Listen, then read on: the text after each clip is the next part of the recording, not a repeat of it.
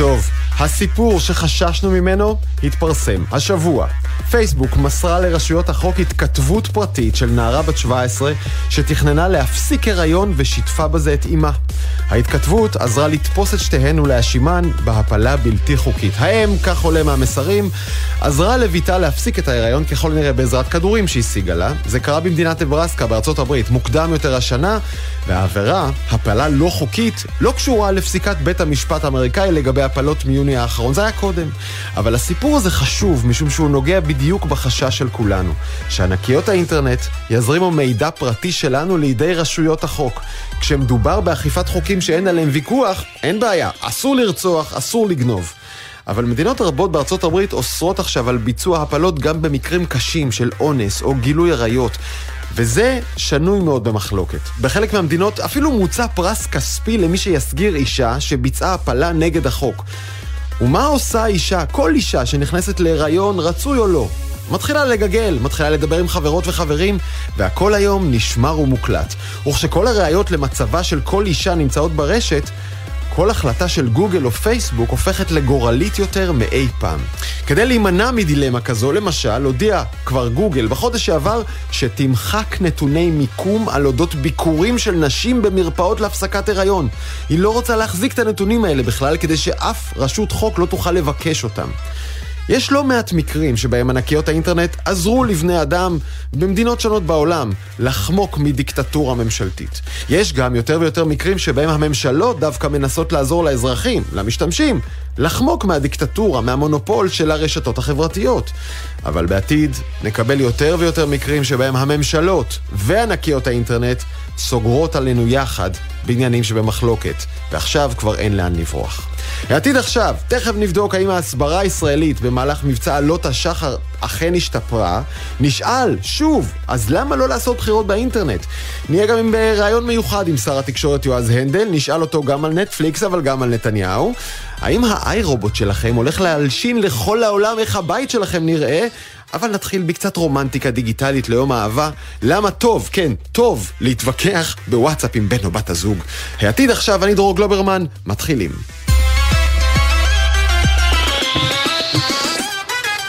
אז בואו נתחיל באמת מהכי חשוב, מאהבה. חלק גדול מהאהבה, מהיחסים הרומנטיים של כולנו, מתרחשת היום על גבי מכשירים ואפליקציות. יצא לכם פעם להיקלע לוויכוח עם בן או בת הזוג בוואטסאפ? איזו אה, שאלה רטורית. אבל מהוויכוח הזה אפשר כנראה ללמוד הרבה על הזוגיות שלנו, אולי אפילו לשפר אותה. אבל קודם, האם טכנולוגיה בכלל טובה לרומנטיקה? אה, בוודאי שכן. אה, יש תחושה בעיקר בקרב המבוגרים בינינו שתקשורת פנים לפנים עדיפה על תקשורת דיגיטלית, אבל זה ממש לא בהכרח נכון. אז אני אה, אכן חבר בתחושה הזו. דוקטור גלי עינב מבית הספר אדלסון ליזמות באוניברסיטת רייכמן, אני באמת הייתי משוכנע, ואולי אני עדיין, שכל מה שמרחיק אותנו משיחה בארבע עיניים, וכל דבר אחר שאפשר לעשות בארבע עיניים, כל דבר שמרחיק אותנו הוא בעל פוטנציאל נפיץ ושלילי. לא נכון? ממש ממש לא נכון. זה נכון, ניקח צעד אחד אחורה. נכון שאנחנו חיים בעולם של אה, מהפכה דיגיטלית, אנחנו בעצם מנהלים את חיינו באופן מקביל גם בפלטפורמות דיגיטליות.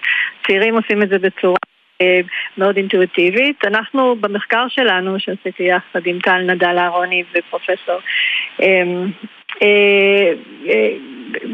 באוניברסיטת רייכמן עשינו מחקר שרצינו להתמקד בדור ה-X. זאת אומרת ילידי 65 אה, עד 80, אה, 1980 של המאה הקודמת, שאנחנו נקראים מהגרים דיגיטליים, ולהבין mm-hmm. איך דור ה-X מתקשר, וגם רב בחיים האמיתיים.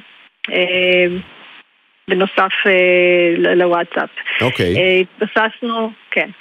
התבססנו על uh, חוקר אמריקאי בשם ג'ון גוט גוטמן, uh, שהוא uh, פסיכולוג קליני ו- ומתמטיקאי, והוא בעצם אמר כזה דבר, קודם כל, חשוב מאוד לריב בשביל לנהל את הזוגיות שלנו. בשביל להציל את הזוגיות שלנו, כי אנחנו מלבנים בעיות. השאלה שלנו הייתה אם אנחנו רבים בצורה דומה בחיים האמיתיים ורבים בצורה דומה בוואטסאפ. אה, ומצאנו שכן. אה, יש אה, שלושה דפוסים עיקריים שגוטמן זיהה בריבים, ואנחנו mm-hmm. אותם גם בוואטסאפ. אמ, אז אחד מהם, ואולי המאזינים שלנו יכולים לזהות את עצמם באחד מהם, אחד מהם זה המתעלמים. מתעלמים זה אלה שרבים בשתיקה, כמו שאחד המעונות אמרה לנו. רגע, אני, אה, להניח, אפשר להניח שהמתעלמים או הרבים בשתיקה, סליחה על הקלישאיות, הם יותר הגברים? אה, לא בהכרח, אה, לא בהכרח, אבל הרבה, כן, יש, יש גברים, אבל במחקר שלנו, שראיינו את שני בני הזוג, אה, אז גם הנשים אמרו שהן רבות בשתיקה, אבל כן, קצת יותר הגברים. אבל למשל, חשוב להבין איך זה מגיב, איך, איך זה משפיע על הנשים. זאת אומרת שאחת מהרעיונות שלנו אמרה שהיא כמעט משתגעת. שהבן זוג שלה עושה לה דווקא ולא עונה לה בוואטסאפ. אמ, והשנייה אמרה שאנחנו פשוט הולכים לישון, זה כמו שלום קר. אמ, עכשיו, הדפוס הזה, דפוס, אה, הדפוס ריב הזה, הוא בעצם משקף אה, מעט עניין משותף ובעצם חוסר רצון להקשבה הדדית, שזה בטח לא טוב לזוגיות. אמ, דפוס אחר זה הדפוס האמוציונלי. אה, מה זה אמוציונלי? וזה זוגות שרבים מאוד מאוד בלהט. זאת יכולים להגיע לצעקות ולטונים מאוד מאוד גבוהים. איך זה מתבטא בוואטסאפ? בוואטסאפ זה מתבטא בשליחת הרבה מאוד הודעות עם סימני קריאה, סימני, סימני קריאה, ולא משחררים. מישהי שאמרה לנו אה, שהיא רבה אה, פנים בפנים, היא צועקת וצורחת שכל העולם ישמע, ובוואטסאפ היא לא משחררת, היא ממשיכה, ממשיכה, אין סוף הודעות, ויכול להימשך יום שלם. אמ, והפאטרן השלישי? הדרך השלישית לריב? הפאטרן השלישי אה, זה הצורה היותר הרציונלית. זאת אומרת, זה הרציונלי אומר שאנחנו מוכנים להקשיב לבני הזוג שלנו בזמן של עימות. אמ, ואנחנו מקשיבים אה, ואנחנו נותנים מקום לדעה ומחזירים בצורה יותר אה, רציונלית. אבל אני חייב לשאול אותך, דוקטור גלי עינב, מה טוב מה טוב בעוד מקום לריב? כלומר, אני גם ככה בחיים שלי, כבר יש לי המון מקום לריב עם בת הזוג שלי, יש את המטבח, את הסלון, חדר הש... אפילו באוטו אפשר לריב. עוד מקום לריב, זה מה שחסר לי? אמ, דווקא תראה, אם במיוחד בצורה השישית והרציונלית, בגלל שהדברים כתובים למשל בוואטסאפ, אז uh, אחת המרונות שלנו אמרה, אני, כשאני קוראת את מה שבן הזוג שלי כתב בוואטסאפ, אני יכולה יותר להבין אותו. עכשיו, שאני רבה בחיים האמיתיים, אני לא תמיד מקשיבה וחוזרת לזה, וככה זה כתוב, ואני יכולה לקרוא, ואני יכולה יותר להבין את הצד השני, זה יכול לעזור. אפשר לקרוא שוב את הטיעון שלך ולחשוב עליו לפני שעונים, אבל האמת שזה מעט מפתיע, משום שהלוא בתקשורת הטקסטואלית, בוואטסאפ, הולכת לאיבוד, מתקלפת שכבה אחת חשובה מאוד של הבעות פנים, ונימה, ומימיקה, והמנגינה של הדברים, שאנחנו, יש חוקרי תקשורת שטוענים שכל זה יותר חשוב מהמילים עצמן. אז אם כל זה נעלם מהתקשורת, מה טוב בשיחה כזאת בוואטסאפ? אה, מה עדיף, או יותר נכון, מדוע היא עדיפה על שיחה של פנים אל פנים? כן, לא, היא לא עדיפה, אבל היא בנוסף. אה, אני חושבת שהנקודה החשובה כאן היא, שני, שני הפלטפ... שתי הפלטפורמות קיימות. זאת אומרת, בואו בוא נזהה את מה אנחנו עושים בשתי הפלטפורמות האלה. עכשיו, אם אנחנו בוואטסאפ, אנחנו מתקשרים בשפה שונה, זאת אומרת, אמוג'יז, אה, יש לנו שם זוגות ש, ש, שבעצם סיגלו לעצמם דרך לריב גם בפלטפורמה הזאת, כי הם שולחים לעצמם כל מיני אמוג'יז שלהם, אה, וכל מיני סימנים, וזה עוזר להם אחר כך לתקשר בצורה יותר טובה בחיים האמיתיים.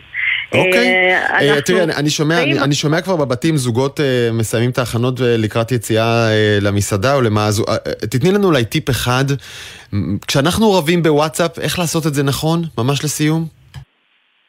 אז אה, קודם כל, להקשיב אחד לשני, לעשות את זה בצורה יותר רציונלית, לזהות את הדפוסים שלנו ולנסות לשנות את הדפוסים האלה, לנסות לא להתעלם, אלא כן להקשיב, ובעיקר אני אומרת לא רק לריב בוואטסאפ, אולי כדאי גם לאהוב בוואטסאפ, לשלוח יותר הודעות עם יותר פרחים ואמוג'י ודברים מצחיקים והומור כדי לשמר את הזוגיות שלנו. האמת שעכשיו התחברתי, כלומר, אני כן לפעמים יכול לשלוח דברים אה, משמחים או מעודדים בוואטסאפ, על אף אם לפני רגע התקוטטנו בחיים האמיתיים. זה דווקא טוב שיש אולי עוד ערוץ, אם משתמשים בו נכון. דוקטור גלי עינב מאוניברסיטת רייכמן, שיהיה לך יום אהבה שמח. תודה רבה, גם לך.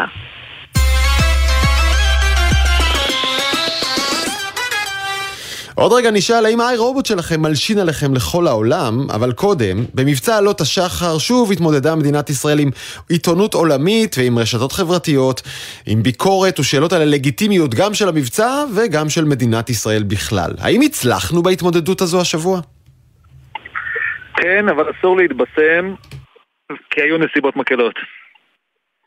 חד משמעית כן, אבל בהחלט התמונה היא יותר מורכבת. אוקיי, איתנו שניים, תת-אלוף במילואים רונן מנאליס, דובר צה"ל לשעבר, ודוד סרנגה, ראש חטיבת הדיגיטל במשרד החוץ. אה, ואני אשאל את שניכם על סמך מה מבוססת התחושה של שניכם שהצלחנו להתמודד טוב יותר. אני חושב שעל סמך העובדות. אה, א', כאשר אנחנו רואים את השיח ברשתות החברתיות, כאשר אנחנו רואים את השיח בתקשורת הבינלאומית, מה שאנחנו רואים הפעם שונה מהפעמים הקודמות. בין אם מדובר במסרים שעברו בצורה טובה יותר, בין אם מדובר בחומרים שקיבלנו מדובר צה"ל והפצנו אותם והצלחנו להזים את השקרים מהצד האחר, אה, וכמובן אה, במספרי החשיפות והצפיות.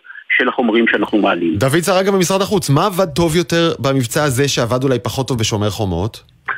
אני אתן לך דוגמה שאני חושב שהיא דוגמה מכוננת. אה, לאחר ההרג בג'באליה, ראינו שהתקשורת הבינלאומית והרשתות גועשות והצד שמואשם הוא הצד הישראלי. תוך אה, כשעתיים קיבלנו את החומרים מדובר צה"ל, הפצנו אותם בכל הרשתות, בכל האמצעים שיש, אה, שעומדים לרשותנו, והסיפור גבה, הסיפור גבה מאליו, לא רק שהוא גבה, גם הצלחנו את הנרטיב שמראה שהפלסטינאים, שהג'יהאד האיסלאמי יורד מתוך ריכוזים אזרחיים, להפיץ אותו בעולם. כך שזו הייתה דוגמה מכוננת למה עבד הפעם טוב. מנליס, אתה מצטרף לתחושה? אני מצטרף לתחושה ואני שם עליה הרבה מאוד כוכביות. אני חושב שהמבצע הזה היה הצלחה. קודם כל, הרבה יותר קל לדברר אירוע מבצעי מוצלח, מבצעי לא מוצלח. והיה לנו אירוע מבצעי מוצלח, ולכן קל לדברר אותו. שתיים, היה מבצע קצר מאוד, אה, והרבה יותר קל לדברר מבצע שנמשך יומיים של הצלחות, מאשר 50 יום של אה, הרבה מאוד 50 אה, גוונים של אפור. והדבר השלישי זה שהעולם מתעסק בהרבה מאוד דברים אחרים. זה היה סוף שבוע באוגוסט, בזמן שננסי פולוסי בטיוואן. זאת אומרת, בסוף בסוף בסוף, עם כל הכבוד למדינת ישראל, אנחנו מעניינים ברמה מוגבלת. ולכן, אני חושב שאפשר לטפוח על השכם, על השכם ואפשר להרגיש טוב, אבל אסור להתבשם בזה, כי תופעות היסוד לא תוקנו במבצע הזה, ועד שלא נתקן את תופעות היסוד, יהיה לנו קשה מאוד להתמודד בזירת ההסברה העולמית. יפה, מיד ניגש לדבר, לתופעות היסוד האלה שאתה מדבר עליהן, וכמובן נבקש מדוד סרנגה להתייחס, אבל קודם לקחתי באמת אה, כמה כותרות, אה, אולי מייצגות, אולי לא, בעזרת שוהם אל-קדם, שעשתה בשבילי, קצת אה, בדקה, והנה שתי כותרות מגרדיאן, בשומר חומות, No warning, Israeli air attack on Gaza killed eight children, say residents, כלומר, ישראלים הורגים ילדים בעזה בקצרה, ועכשיו Israel bomb Gaza Strip for second day in preemptive operation. Uh, למשל, כלומר, ישראל מפציצה את עזה במבצע, במתקפת מנע, uh, והרבה פחות יוחסו אלינו uh, uh, הריגות, uh, בטח של ילדים, בטח במקרים האלה, אה, אבל אולי צריך לשאול, ברשתות החברתיות זה גם קורה? הלוא ברשתות החברתיות השעתיים האלה, עד שהסרטון מופץ בעזרת דובר צה"ל, אה, גורלנו כבר נחרץ כמה וכמה פעמים. אז תראה, גם ברשתות החברתיות אה, זה לא סוד שהרבה פייק אה, מופץ. ולא צריך ללכת רחוק, מספיק גם לראות גורמים אצלנו שמפיצים פייק אה, ניוז. יחד עם זאת, הקהל שמתעניין בנושא, יחד עם זאת הגורמים שבאמת עוקבים ורוצים לדעת מה קורה באזור שלנו, הם הרי לא אדישים למסרים, הם רואים את המסרים. ולכן גם אותן שעתיים, שהיו שעתיים ארוכות מבחינתנו בתור אנשים שעוסקים בהסברה, אני חייב אה, לומר, אבל עדיין ברגע שהמסר יצר וברגע שהתקשורת, הן הבינלאומית והן ברשתות, אנשים ראו את העובדות, ראו את, המסר, בסופו של דבר זה גבה. ומשם בין היתר נגזרת, נגזרות גם הכותרות שעליהן אתה מדבר. מנליס, על אילו בעיות מערכתיות אתה מצביע? תראה, אני חושב שמדינת ישראל מדברת דיגיטל של לפני uh, שבע שנים. ואני חושב שסרנגה והחברים ממשרד החוץ וגם במקומות אחרים ודובר, צה"ל עושים עבודה נפלאה ועושים הכי טוב שהם יודעים. אבל מדינת ישראל כמדינה הזניחה את הזירה הדיגיטלית והיא לא מתייחסת אליה ברצינות, שבה טיק טוקרית או טיק, טיק, טיק טוקר או גיימר אה, מתחיל בן 18 מתייחס. נקודותיים, מה למשל? אין ניטור מערכתי של מה קורה ברשתות החברתיות. אין מקום אחד שבו מייצרים תוכן רלוונטי. כל אדם, אה, אם ג'יג'י חדיד מנצחת את כל תותחי ההסברה הישראלית, לא כי היא יותר מוצלחת ולא כי הסיפור שלה יותר טוב משלנו, כי יש לה הרבה יותר עוקבים.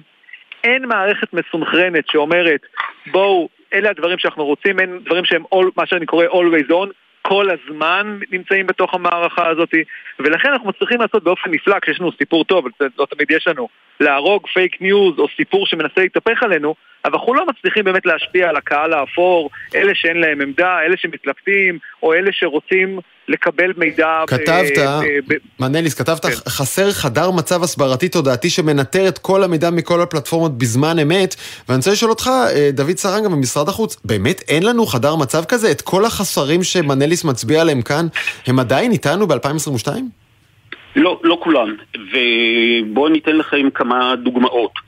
ראשית בואו נדבר קצת טיק טוק, בואו נדבר קצת אינסטגרם, הרי אנחנו יודעים שבעיקר האנשים, החבר'ה הצעירים נמצאים שם, הם לא צופים לא ב-CNN ולא בפוקס ניוז ולא קוראים גם את הציוצים בטוויטר. ואחד הדברים שאנחנו עושים זה אנחנו מגייסים או אנחנו רותמים את אותם משפיעני רשת, וסתם אנשים שיש להם כמות גדולה של עוקבים בחו"ל, נכון, לא בכמויות שיש לג'ידי חדיד, אבל אנחנו כן לוקחים ורותמים אותם, מעבירים להם את החומרים, והם מעלים את הסרטונים שלהם. אני יכול לתת לך דוגמה לחלק מהסרטונים שזכו למיליוני צפיות עם חומרים שאנחנו העברנו, וכמובן שזה גם נתפס הרבה יותר אמין, כי כאשר אני, בתור נציג של ממשלת ישראל, מעלה סרטון כלשהו, אז ברור שאני אה, אה, אנסה להגן או לה, להעביר את המסר של ממשלת אני חושב ישראל. ש, שאני חייב לשאול, תראה, כבר אה, ברמה המבצעית ישראל כבר רגילה לסגור מעגלים בדקות, נכון? אני, אנחנו מכירים את הסיפורים או את הדיווחים, איך שנורא... נורית רקטה, המידע המודיעיני מגיע מיד לכלי התוקף שאמור להשמיט את החוליה בתוך דקות. מדוע אי אפשר לסגור מעגל באותו פרק זמן הסברתי? הנה האירוע, הנה הסרטון, לא, החוצה. לעולם. סרנגה, אני אנסה שנייה לענות מהזווית הזאת, אני חושב שפה יש בעיה של אנשי הדיגיטל, ואני מנסה להגיד שאני נגיד חונה בשני העולמות, העולם הדיגיטלי הוא מהירות אפס, זה כמו מהירות האור. בן אדם מצייץ 280 תווים, הוא מעלה סרטון טיק טוק, לוקח לו 15 שניות, או כמה זמן שלוקח לכתוב 280 תווים. גם סרנגה וגם רנקו וגם אחרים וגם ליאור חייט רוצים להביא מידע מהימן. זה תמיד הזמן הפיזי יהיה יותר איטי מהזמן הדיגיטלי. לכן השאלה הזאת, דרור, אני לא בטוח שהיא השאלה שהיא אי פעם תשתנה. השאלה אם יש לנו צבא דיגיטלי שמספר את הסיפור שלנו כל הזמן. נכון, יש ניסיונות להבין משפיענים, ומשרד החוץ עושה וזה, אבל זה כל פעם כמו סטארט-אפ. אין מכונה. אין צבא שעובד בזה. אין יכולת לנטר בוטים הסברתיים, לא בוטים של אויב, בוטים הסברתיים שמתעסקים בסיפור ההסברה והשקר. אין פעולה סבירה וקבועה, ודרך אגב, עוד סוד קטן, אין גוף שמרכז את זה. משרד החוץ אחראי על אלמנטים מסוימים, מטה הסברה לאומי אלמנטים אחרים, משרד הביטחון, שב"כ, מוסד, משרד, אה, דובר צה"ל אלמנטים אחרים, ולכן שאלת היסוד של התודעה הדיגיטלית וההסברה הדיגיטלית רחוקה מלהיפטר, אבל גם כשהיא תיפטר היא לא תפתור את מה ששאלת. לעולם הדיגיטל יהיה מהיר מההסברה. דוד סרנגה, משרד החוץ, התגובה שלך. יש אה, הרבה מן האמת בדבריו אה, של בן שיחי, ואני אתן לך דוגמה.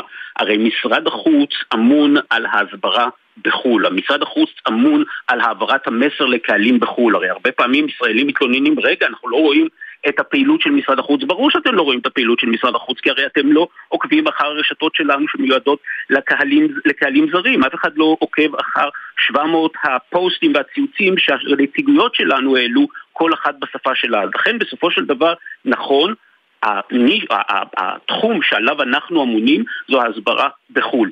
לצד זאת, כמובן שיש גופים נוספים, ואני אשמח שכל גוף יירתם גם כן לאותו מאמץ הסברתי שבסופו של דבר אה, יתווה את התמונה אה, כולה.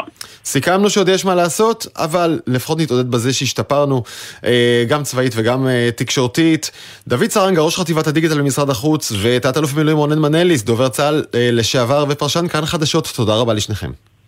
תודה. תודה.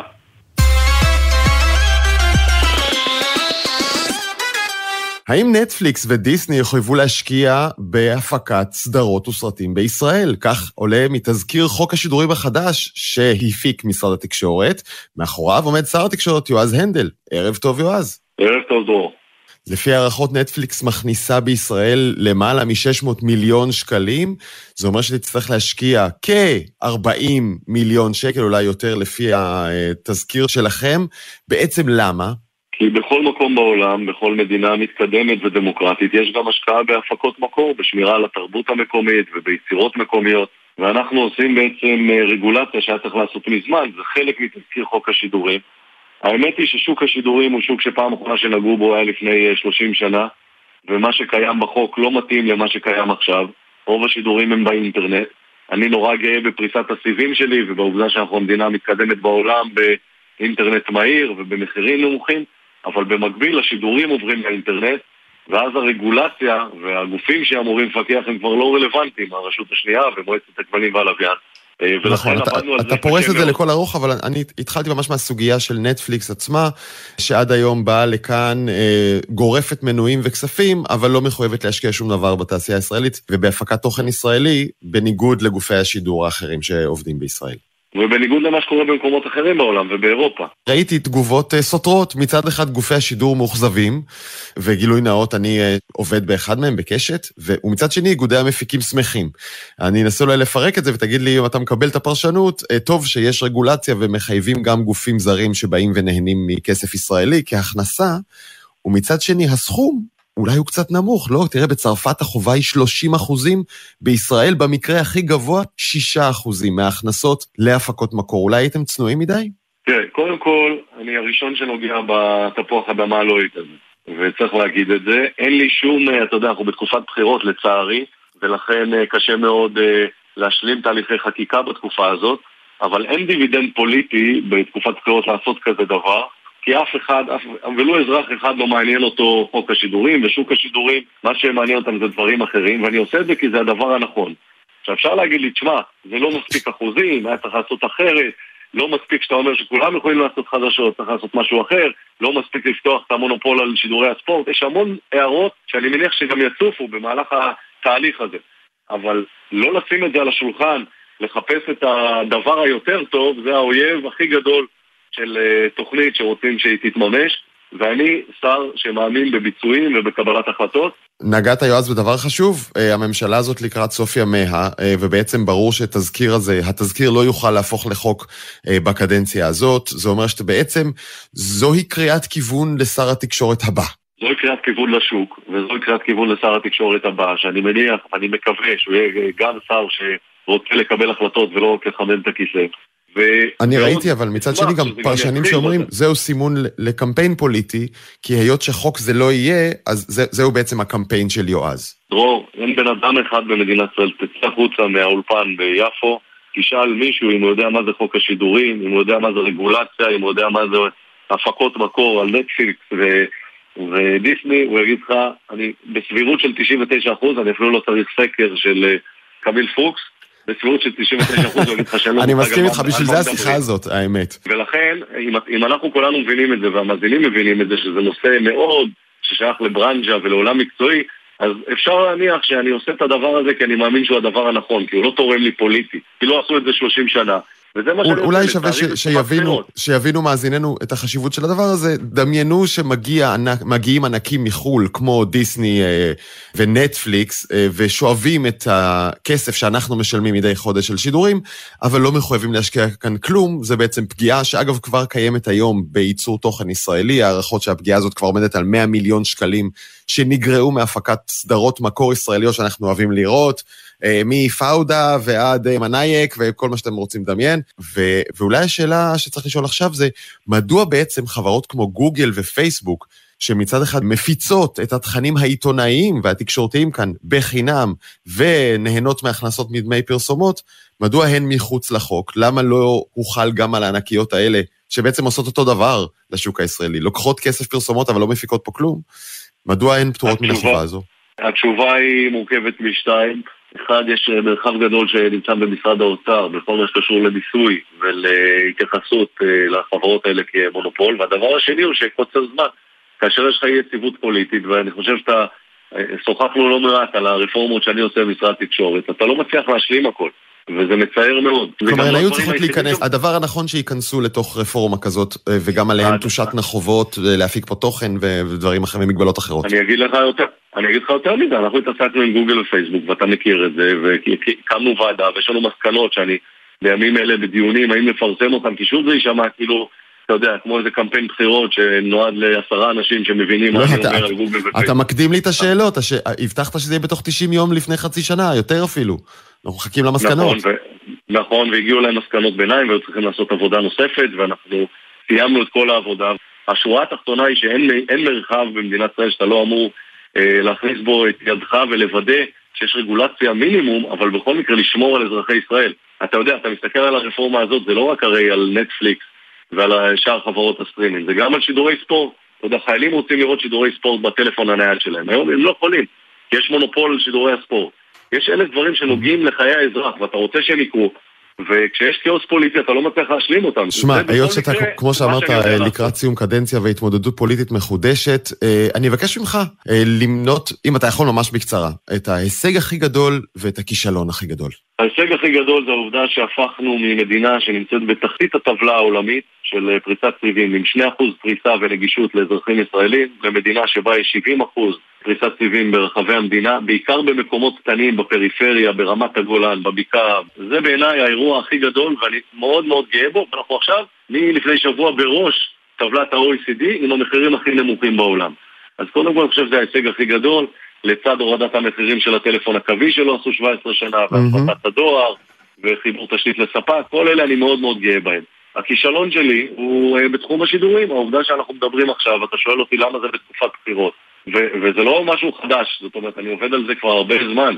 הקמתי ועדה, את ועדת פולקמן, הגיעו מסקנות, והעובדה שאני לא הצלחתי להביא את זה עד לקריאה שנייה ושלישית, שזה בסוף, בסוף בספר החוקים עובר מה שעובר קריאה שנייה ושלישית, אז העובדה הזאת היא כישלון.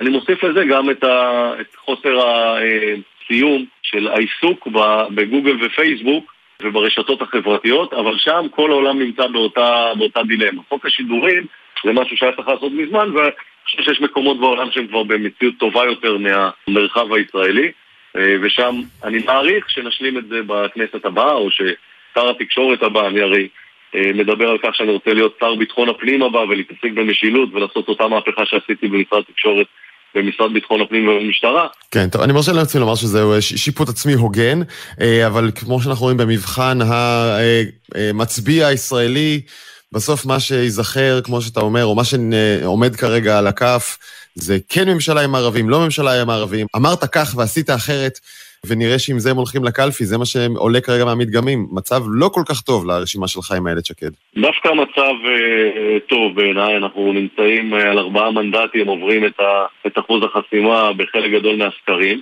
ואני חושב שאתה תראה שבסקרים שהרבה אחרים לא, לא עברנו, אנחנו נעבור. לא, אני חושב שרוב הסקרים אנחנו עוברים, אבל בסוף יש קהל גדול של ימין ממלכתי וציונות דתית שלא מסוגלים להצביע לשמאל מרכז והם לא מסוגלים להצביע לסמוטריץ' בן גביר או חרדים או הליכוד. מגיע להם בית, ואגב, אנחנו, מגיע להם גם שרים ביצועיסטים שבאים לעבוד. אני חושב שאפשר להתווכח על תפיסות העולם שלי, אבל אי אפשר להתווכח על העובדה שאני יודע לקבל החלטות ואני יודע להניע ולקחתי משרד חבול וחבוט שהפך לסיירת וזה מה שאני רוצה לעשות בביטחון הפנים, לקחת את אותה מהפכה, לעשות אותה. ואתה יודע, זה מטריד את אזרחי ישראל, זה ויוקר המחיה לא פחות מתחומים אחרים. וגם בשאלות הפוליטיות, אתה יודע, אני חושב שהמפלגה היחידה שמציעה ממשלת אחדות, משהו פרקטי ולא משהו שהוא לא קיים. איזה ממשלה דמיונית או בחירות שישיות ושביעיות כי אין באמת ממשלה למרכז-שמאל עם החרדים והמשותפת, זה לא עובד, אין מספרים כאלה. וממשלה צרה עם המשותפת זה רע למדינת ישראל, וגם ממשלה צרה של ביבי, שבה דואגים אך ורק למה שטוב לנתניהו, היא לא טובה למדינת ישראל. לכן ההצעה הפרקטית היחידה לשולחן, ואפשר לאהוב אותה ואפשר לא לאהוב אותה, אבל היא פרקטית, זה ממשלת אחדות, ושרים שבאים לעבוד למען אזרחי מדינת ישראל. אני, אני מניח אה, שהיום אתה כבר לא מכריז שלא תשב עם אלה ולא עם אלה. כלומר, הערבים הם האופציה וביבי הוא אופציה. לא, אני חושב שקודם כל אני עדיין אה, מאלה שאומרים שאי אפשר לשבת עם המשותפת גם ברמה הערכית וגם ברמה הפרקטית ולצערי אחרי שנה של ממשלה שאני לא דחפתי לה ואתה יודע עדיין חושב שהיא הגיעה להישגים יפים אני מבין שאי אפשר לשבת עם גורמי קצה אה, בשום מקרה אתה חייב להקים ממשלה רחבה ציונית שיושבים בה הכוחות המרכזיים אחרת בכל פעם שנקים ממשלה של 61 נהיה תלויים באחד הזה ונתניהו? נתניהו, אנחנו, אתה יודע שמבחינתי, אם זה היה תלוי בי, נתניהו היה יוצא לפנסיה ויושב בהוואי עם שייק איפשהו, אני לא רוצה את נתניהו במערכת הפוליטית, בעיניי הוא הבעיה ולא הפתרון, אבל אני לא בוחר את אנשי הליכוד, ואני מבין שהאופציה הפוליטית היחידה שלא להגיע לבחירות, או ממשלה צרה שמשמעותה בחירות, היא לשבת עם הליכוד. דבר אחד אני יכול להגיד לך בוודאות, שאחד, הדרה של חצי מהעם גם מובילה לחוסר יציבות, וראיתי את זה בשנה האחרונה, וב', אני לא מתכוון לקחת ערבויות מדרעי או לסמוך על נתניהו. אני זוכר מה קרה בפעם האחרונה, אני מסיק מסקנות, ואני לא אתן לאף אחד לרמות צד אחד את הצד השני, אלא רק ממשלת אחדות ציונית שמסוגלת לייצר יציבות למדינת ישראל ולהתעסק ביוקר המחיה ובמשילות ובדברים שמטרידים את אזרחי מדינת ישראל. מנטפליקס ועד נתניהו, שר התקשורת יועז הנדל, תודה רבה. תודה רבה. העתיד עכשיו, שידור חי בגלי צה"ל, עוד רגע נבדוק אם ה iRobot הולך לרגל אחריכם, אבל קודם, למה הבחירות עדיין לא מתרחשות באפליקציה? הפריימריז בליכוד אמנם נערכו השבוע באופן ידני, אבל עם הרבה טכנולוגיה ברקע. במפלגת העבודה ובמרץ כבר הצביעו לרשימה ברשת, דרך הטלפון הנייד. באנגליה היו אמורות להתקיים בחירות מקדימות דיגיטליות במפלגת השמרנים של בוריס ג'ונסון, אך הן נדחו בעקבות התראות מודיעיניות מפני חשש מהתערבות זרה. אז בחירות בדיגיטל, כן או לא? הכתבה של נועה ברנס. אצלנו אי אפשר לרמות במחשב, כי אין מחשב. ספירה ידנית, בדיקה, אני רוצה תוצאה אמיתית, שקופה, ואני בטוח שתהיה נהדרת. בעוד שחברי הליכוד צעדו השבוע אל הקלפי, שלשלו פתקים והמתינו לספירה בדרך הישנה והמוכרת, במפלגת העבודה עברו לדרך אחרת בבחירות המקדימות הדיגיטליות לרשימת המפלגה. עורך הדין עמרי שגב, היועץ המשפטי של המפלגה, מסביר על ההתאמות שעשו כדי לעבור לדיגיטל. זה כמובן מתבצע באמצעות חברות חיצוניות שאחראיות על זיהוי אנומליות, תקיפות סייבר, על ניסיונות להונות את המערכת או לזהות דפוסי פעולה חריגים, שבאמצעותם אנשים שמעוניינים אה, להשפיע על הבחירות ולפגוע בתואר הבחירות יכולים להיות מנוטרים ולאחר מכן נחסמים וגם אה, מועברים לדין משמעתי. מה יותר בטוח, פתקים או מחשבים?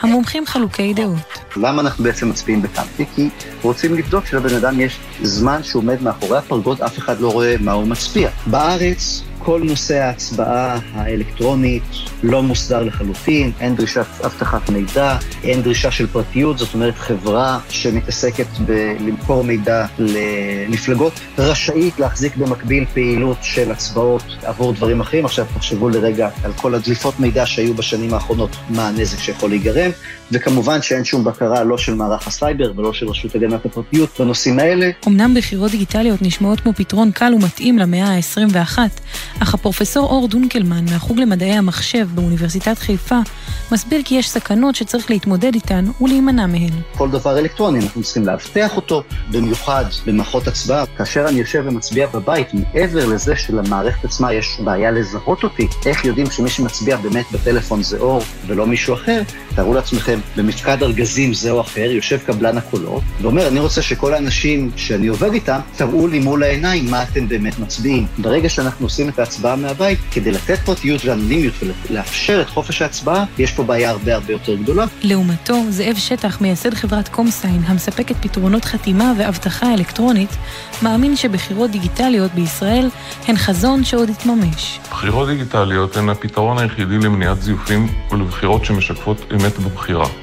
בחירות על בסיס פתקים, כבר כולם יודעים, חשופות לזיופים, הצבעה דיגיטלית וספירה דיגיטלית ימנעו זיופים אם יתנהלו כהלכה. מהלך כזה צריך לבנות על פני מספר שנים ולא ברגע האחרון. גם במפלגה השמרנית בבריטניה חשבו כמו זאב שטח ותכננו בחירות מקדימות ממוחשבות, אלא שאלה נעצרו בחריקת בלמים בגלל חשש של המודיעין הבריטי מפני התערבות של האקרים פצחנים בבחירות. מה שהם חששו ממנו זה שהאקרים פצחנים יוכלו לשנות את ההצבעות של האנשים אחרי שהצביעו. בחירות ממוחשבות הן אולי מסוכנות, אבל גם בבחירות המסורתיות והמוכרות, עם הפתק שבקלפי, אנחנו נתקלים לא פעם בחששות לזיופים. הפתקים נספרים על ידי אנשים ועוברים ידיים עד שהופכים להיות תוצאות האמת. מנכ"לית ועדת הבחירות, עורכת הדין אורלי אדס, מכירה מקרוב את התהליך החשוב שהוא נשמת אפה של הדמוקרטיה. הליך הבחירות בהצבעה ידנית לא תלוי בגורמים חיצוניים, וצריך לזכור שבבחירות לכנסת, להבדיל למשל מבחירות לפריימריז, מבצע אחד, יום אחד שחייב להתבצע על הצד הטוב ביותר ואי אפשר לקחת בו שום סיכון מיותר. לא בכדי מדינות רבות מתלבטות בסוגיה ועדיין לא הגיעו לשם. וכך גם אנחנו בוועדת הבחירות התחלנו בבחינה של אפשרות השימוש בפנקס בוחרים ממוחשב וזיהוי באמצעות התעודות החכמות. אני סבורה שיבוא יום שבו לפחות חלק מהתהליך יהיה ממוחשב, אבל זה יהיה רק לאחר שיימצא המענה לכל הסוגיות שעולות, ובראשן כמובן סוגיית אבטחת המידע והגנת הסייבר. לבחור נכון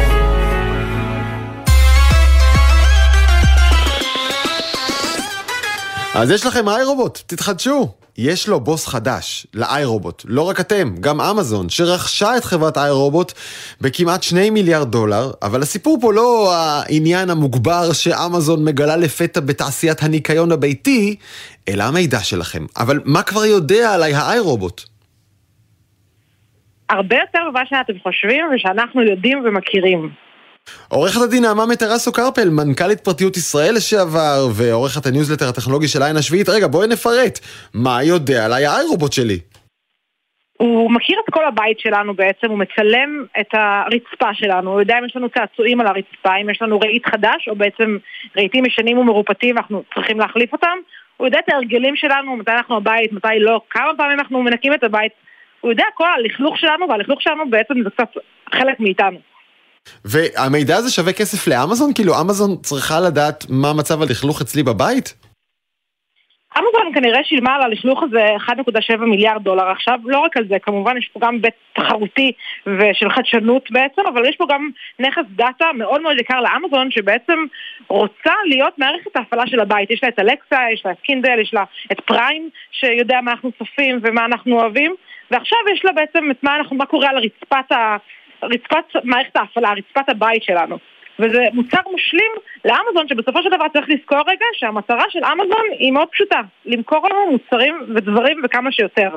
אז בואי ננסה לדמיין ביחד איך, איך, איך אפשר לנצל את המידע הזה. אגב, זה גם מידע נדל"ני, נכון? כמה, כמה גדולה הדירה שלי, אה, איפה היא נמצאת נכון. גיאוגרפית בעולם, אז כמה כסף יש לי לנדל"ן, כמה שילמתי. כבר כאן יש אינפורמציה, אבל איך אפשר לנצל את המידע הזה של ניקוי הרצפה כדי להציע להצעות יותר טובות כשאני בא לקנות מוצרים באמזון? כשאני, כאי רומבה, אני רואה, כרומבה, סליחה, כאי רובוט, אני רואה שיש לך ספה ישנה, אני יכולה להציע לך ספה חדשה. אני רואה שיש לך צעצועים על הרצפה ויש לך ילדים, אני יכולה להציע לך מוצרים שמתאימים לילדים. כמו שאמרת גם, אפשר לעשות הצלבות מידע אם אתה מעביר את זה לצדדים שלישיים, אבל אני חושבת שגם מה שמעניין פה זה שאיי רובוט הכריזו ב-2017 שהם לא ימכרו את המידע שלנו. ממש מנכ"ל איי רובוט זה מה שהוא אמר בריאיון לרויטר. ו? ולזיד... והנה אנחנו פסט פורוורד חמש שנים והם מוכרים את המידע שלנו בסכום מאוד מאוד גבוה ולנו אין הרבה מה לעשות עם זה, כלומר לנו כצרכנים אין לנו הרבה שליטה על המידע שנאסף עד כה וכנראה גם יועבר לאמזון לצורכי מסחור והצלבה ואנחנו אפילו לא יכולים לנחש עם איזה מאגרים הם יכולים להקליב את זה, כמו שאמרת, נדל"ן זו דוגמה אחת, אבל אני יכולה לחשוב עוד דוגמאות ש... אה, שהם יכולים להצליב את זה מול דאטאבייסים נוספים, ולדעת לנו מידע אפילו רפואי, או מידע אה, אישי מאוד ופרטי מאוד שאנחנו לא חשבנו ש... אז תגידי רגע, אה, אם, אם אמזון ואיי רובוט אה, עושות קנוניה ביחד כדי לדעת כמה גדולה הדירה שלי וכמה השירותים שלי מלוכלכים או לא, אה, אה, מי אמור להגן עליי? אולי מדינת ישראל עם חוקי פרטיות שישמרו עליי מפני מעבר כזה, לא? מדינת ישראל היא שוק מאוד מאוד קטן בהקשר הזה, וגם אם היא הייתה שוק מעניין, יש לה פה חוקי פרטיות שכבר חגגו 40 שנה, והם לא מה שיגנו לנו, לא הרגולציה. אני כן מקווה שיהיה פה איזשהם חסמים של הרגולטורים בארצות הברית בעיקר, על העברת המידע. זה משהו שלצורך העניין כשפרטיות ישראל פעלה, דרשנו מהרשות להגנת הפרטיות להתערב בעסקה של סטודיו C ורונית רפאל, שהייתה אי אז לפני משהו כמו שנה, כי ראינו שיש שם נכסי מידע מאוד משמעותיים וצריך לטפל בהם כשעושים עסקאות של M&A, עסקאות רכישה שאנחנו כולנו מכירים את הסכומים הגדולים, צריך גם להסתכל על נכסי הדאטה ולהבין איך הדאטה הזה יעבור, איך הוא יטופל, האם יבקשו את אוקיי. הסכמת המשתתפים? תגידי, אז אני חייב רגע לנטוש את סוגיה החוקית, כדי ממש לקראת סיום לשאול אותך, מאילו עוד מכשירים בבית אני צריך לפחד? אם השואב אבק שלי עוקב אחריי, מי עוד? אה, כל מכשיר בעצם שמחובר לאינטרנט, אם זה המקרר שלנו שאוסף עלינו מידע, אבל הטלוויזיה שלנו לדוגמה שאנחנו לא חושבים עליה כי אנחנו חושבים תמיד על הטלוויזיה הישנה, הקופסה השחורה הזאת בבית היום הטלוויזיה שלנו יודעת עלינו המון המון המון מידע על ההרגלים שלנו, על מה אנחנו צופים, באיזה אפליקציות אנחנו מתקינים כמה זמן אנחנו צופים בטלוויזיה, איזה סוג טלוויזיה יש לנו זה יכול לתת המון המון המון מידע לחברות עצמם וצריך שוב לזכור שהמידע הזה אף פעם לא נשאר אצל החברות עצמם, הוא תמיד עובר הלאה ויש לו שווי מאוד מאוד גבוה וערך כלכלי. ואנחנו לא חושבים על זה תמיד שאנחנו... הן מוכרות אותו זו לזו, והחוק מפגר הרבה הרבה מאחורה ב... לשמור עלינו. האמת שכרגע אני בעיקר עסוק בסיטואציה שבה המקרר שלי מלשין עליי לעולם. לא רוצה, לא רוצה, אם נאמר זאת כך. עורך דין נעמה מטרסו קרפל, לשעבר מנכ"לית פרטיות ישראל, אנחנו צריכים עוד הרבה פרטיות בישראל. תודה רבה בינתיים, ערב טוב. ערב טוב, ביי ביי.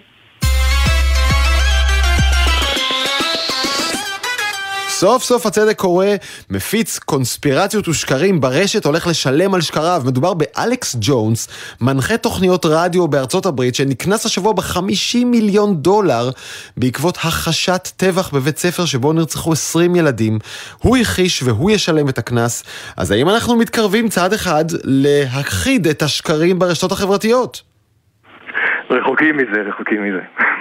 דוקטור יובל קרניאל, מרצה בכיר בבית ספר סמי עופר לתקשורת באוניברסיטת רייכמן. אה, המקרה של אלכס ג'ונס הוא חריג בכל קנה מידה, נכון? כן, כן. זה מקרה חריג. בוא נספר עליו למי, למי מאזיננו שלא מכיר את חשיבותו של אלכס ג'ונס ו- ובמה הוא בדיוק משקר, או שיקר. תראה, אלכס ג'ונס הוא באמת אה, האדם שמשקר לפרנסתו. כלומר, זה לא איזה מישהו שבמקרה פרסם פייק ניוז ותפסו אותו, אלא אדם שהפך את הקונספירציה ואת השקר ואת הפייק ולפרנסה. הוא הפך את הדבר הזה למותר. איך מרוויחים משקרים? דוקטור קרניאל. הוא עושה את זה כבר עשרות שנים, והוא עושה את זה בצורה שבאמת גורפת אחריו קהל של מיליונים, שהפכו אותו לסוג של גורו. כלומר, יש פה משהו באמת רב עוצמה, שהוא גם מפעל כלכלי, תעשיית השקרים שאנחנו אה, רואים היום, שהדרך להתמודד איתה היא בין היתר דרך הכיס. שמע, אני נכנסתי לאתר שלו, אינפו-וורס, uh, שכל אמריקאי מכיר, uh, עם מיליונים, אולי עשרות מיליונים של מבקרים, יש שם חנות. ובחנות הוא מוכר לא רק את ספריו, אלא גם uh, תוספי תזונה, שק חלבונים, מברשת שיניים, כן, משחת שיניים ממותגת. הפתרון לקורונה והפתרון לכל דבר הוא בעצם סוג של, של מטיף וסוג של, של גורו. והוא uh, הפך את זה באמת לעסק, את הרעיון שאנחנו מכירים שהשקר הוא טס הרבה יותר מהר מאשר האמת, והוא גם יותר uh, מרגש אותנו, יותר מעניין אותנו, אז פתאום אחרי, אנחנו מדברים כמובן על הטבח בסנדי הוק, שבו uh, נרצחו 20 ילדים ועוד שישה מורים, ואחרי עשר שנים שהוא מכחיש את הטבח וטוען שזה קנוניה של מתנגדי הנשק בארצות הברית, uh, וטוען שהילדים לא היו ולא נבראו. זה המקרה באמת הזוי, אתה יודע, באמת, תחשוב איזה רמה... של, של הכחשת מציאות, של קונספירציה ואיזה ניצול של טרגדיה. כלומר, יש פה באמת איזה מקרה מטורף, זה לא מקרה זה שהוא הגיע אולי לבירור המשפטי ולקנס המאוד אה, גדול ש... כן. רגע, אני, אני רק רציתי לומר אה, שאני לא ממליץ למאזיננו ללכת ולחפש את הוידאוים של אה, אלכס ג'ונס, לועג להורים שילדיהם נרצחו, כאילו כמה, כמה נמוך, כמה שפל אדם יכול להיות. אני רוצה לשאול אותך, הקנס הזה, איך קרה שהוא אה, בסוף כן הושת, ומדוע הוא לא יעשה שום דבר כדי להכחיד או לצמצם את השקרים ברשת? אז כך, להבין שבארצות הברית במיוחד, ובמידה רבה גם אצלנו אימצנו הרי את המודל הזה, הרעיון של חופש הביטוי הוא מקודש. והדבר הזה של לאפשר לאנשים אה, להתבטא ולהפיץ אה, תכנים, גם כאשר הם אה, שקרים, הוא רעיון מוגן, הוא מוגן בחוקה האמריקאית, הוא מוגן אצלנו גם בחוקי היסוד הישראלים. כלומר, הדבר הזה הוא סופר נדיר, ולקח באמת מקרה כל כך קיצוני של סיפור כל כך פוגעני, שפוגע באנשים שאיבדו את ילדיהם אה, כדי באמת להגיע לבית משפט ולהצליח אה, לבסס את התביעה הזאת. מושבעים קבעו את הסכום הגדול הזה, ששוב, יש גם ספק משפטי אם הוא באמת בסוף ישולם בפועל. וגם הערכה של אה, כל מי שמכיר את, העסקים, שגם אם הוא יפשוט רגל בעסק הנוכחי שחויב בבית משפט, אז יש לו מספיק עסקים אחרים שימשיכו את תעשיית הפייק הזאת. שמושכת אה, רבים, ומושכת רבים גם כבאמת מאזינים ו, אה, וגם כצרכנים. בקיצור, זה אותם... רק ביזנס, ואם הקנס לא מספיק גדול, אז עדיף להמשיך למכור מוצרים באתר שמפיץ שקרים ולשלם מדי, מדי פעם איזה קנס. להורים, אבל הכסף ממשיך לזרום וזה בזכות השקרים. אה, אין דרך, וממש שאלה בקצרה קצרה קצרה, אין דרך שהמודל של האינטרנט ישתנה באופן שלא יתגמל שקרים בכלל, נכון? לא הולך לקרות. כן או לא? אני לא הייתי אומר שזה לא הולך לקרות, אני חושב שקודם כל הדבר הזה הוא סימן חיובי, בוא נעצר גם על זה לרגע. בכל זאת זה סימן חיובי. לקחתי, לקחתי. דוקטור יובל קרניאלו, חייבים לסיים. תודה רבה על השיחה הזאת. תודה רבה.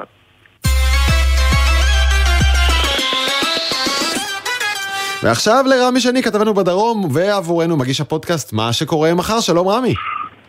שלום דרור, איזה ירח אתה מפסיד, חבל על הזמן. וזה מהדרום, נשבע לך, בנגב, רואים את זה משהו עוד חמש דקות אני בחוץ באדיבותך, רואה את הירח יחד איתך. דבר אלינו. אז ערב טוב, ערב טוב לך ולכל המאזינות והמאזינים. כשאומרים שאנשי הטכנולוגיה הפורשים מצה"ל עוברים להייטק, מתכוונים לדבר הבא. הגנת סבר במתכונת שבה משתמשים לאבטח את מערכות המידע הסודיות של ישראל. חבורת פורשים כזאת מ-8200 ושאר היחידות הסודיות חברו להקמה של חברת אבטחה שהמומחיות שלה היא להגן על המקומות הפורצים ביותר, שערים של אתרי קניות. אתרים כאלה צריך לזכור שהבעלים שלהם רוצים מאוד שייכנסו לשם לקוחות. זה הרי מה שהופך את השערים האלה למסוכנים ביותר. על אלה צריך להגן. עכשיו לא מדובר באנשי ביטחון שעומדים בכניסות לקניונים ואומרים לך תפתח את התיק, תסגור, תפתח את המעיל, תסגור, תפתח את הפה, תסגור, אלא הם מפעילים תוכנה שתכליתה לאתר גורמים רעים שמנסים להיכנס לאתר פשוט דרך השער הראשי, וזה כדי להתחיל לפשפש במסדרונות האחוריים של אתרי הקניות, איפה שמאוחסן כל המידע של הלקוחות, כלומר, איפה, שרשום, אה, איפה שרשומים פרטי האשראי, הפרטים האישיים השגרתיים, וכמובן משם הדרך קצרה אל חשבונות הבנק שלהם. בואו נשמע את גיא טיטונוביץ', מנכ"ל חברת uh, צ'ק, ואחר כך נפרט עוד קצת. אני רואה את המאפיינים הטכניים שלו, אני רואה מאיזה okay. אוקיי. מערכת הפעלה הוא ניגש. אז המלכודות שלנו כל הזמן מתעדכנות, אנחנו מפרישים, זאת אומרת מוציאים ל-retirement אה, מלכודות שהופכות להיות בלתי רלוונטיות, ואנחנו כבר יודעים איזה מלכודות נשח, חדשות נשחרר עוד לפני ששחררנו אותן. אז אה, מה, שהוא, מה שהיחידה הזאת שמה, או החברה הזאת שמה, זה מלכודות מוסוות, ואז הן יכולות לראות מי נכנס עם כוונות רעות, כן. ומי אה, יש לו כוונות טובות. כמו שאתה שומע, זמננו... בדיוק, זמננו אה, נגמר, כל זה אצלך בפודקאסט, אה, מה שקורה מחר. עד כאן עתיד עכשיו, ערך ערן גולני, הפיקו אביב פוגל ותומר ברקאי על הביצוע הטכני, אורי ריב, אני דרור גלוברמן, ואתם מוזמנים לשמוע אותנו מתי שבא לכם, בכל אפליקציות הפודקאסטים המקובלות, פשוט חפשו העתיד עכשיו, אנחנו שם כל הזמן. הזמן. אני זמין להצעות ולהערות שלכם בדרור גלוברמן בטוויטר או בג'ימייל. יאללה ביי.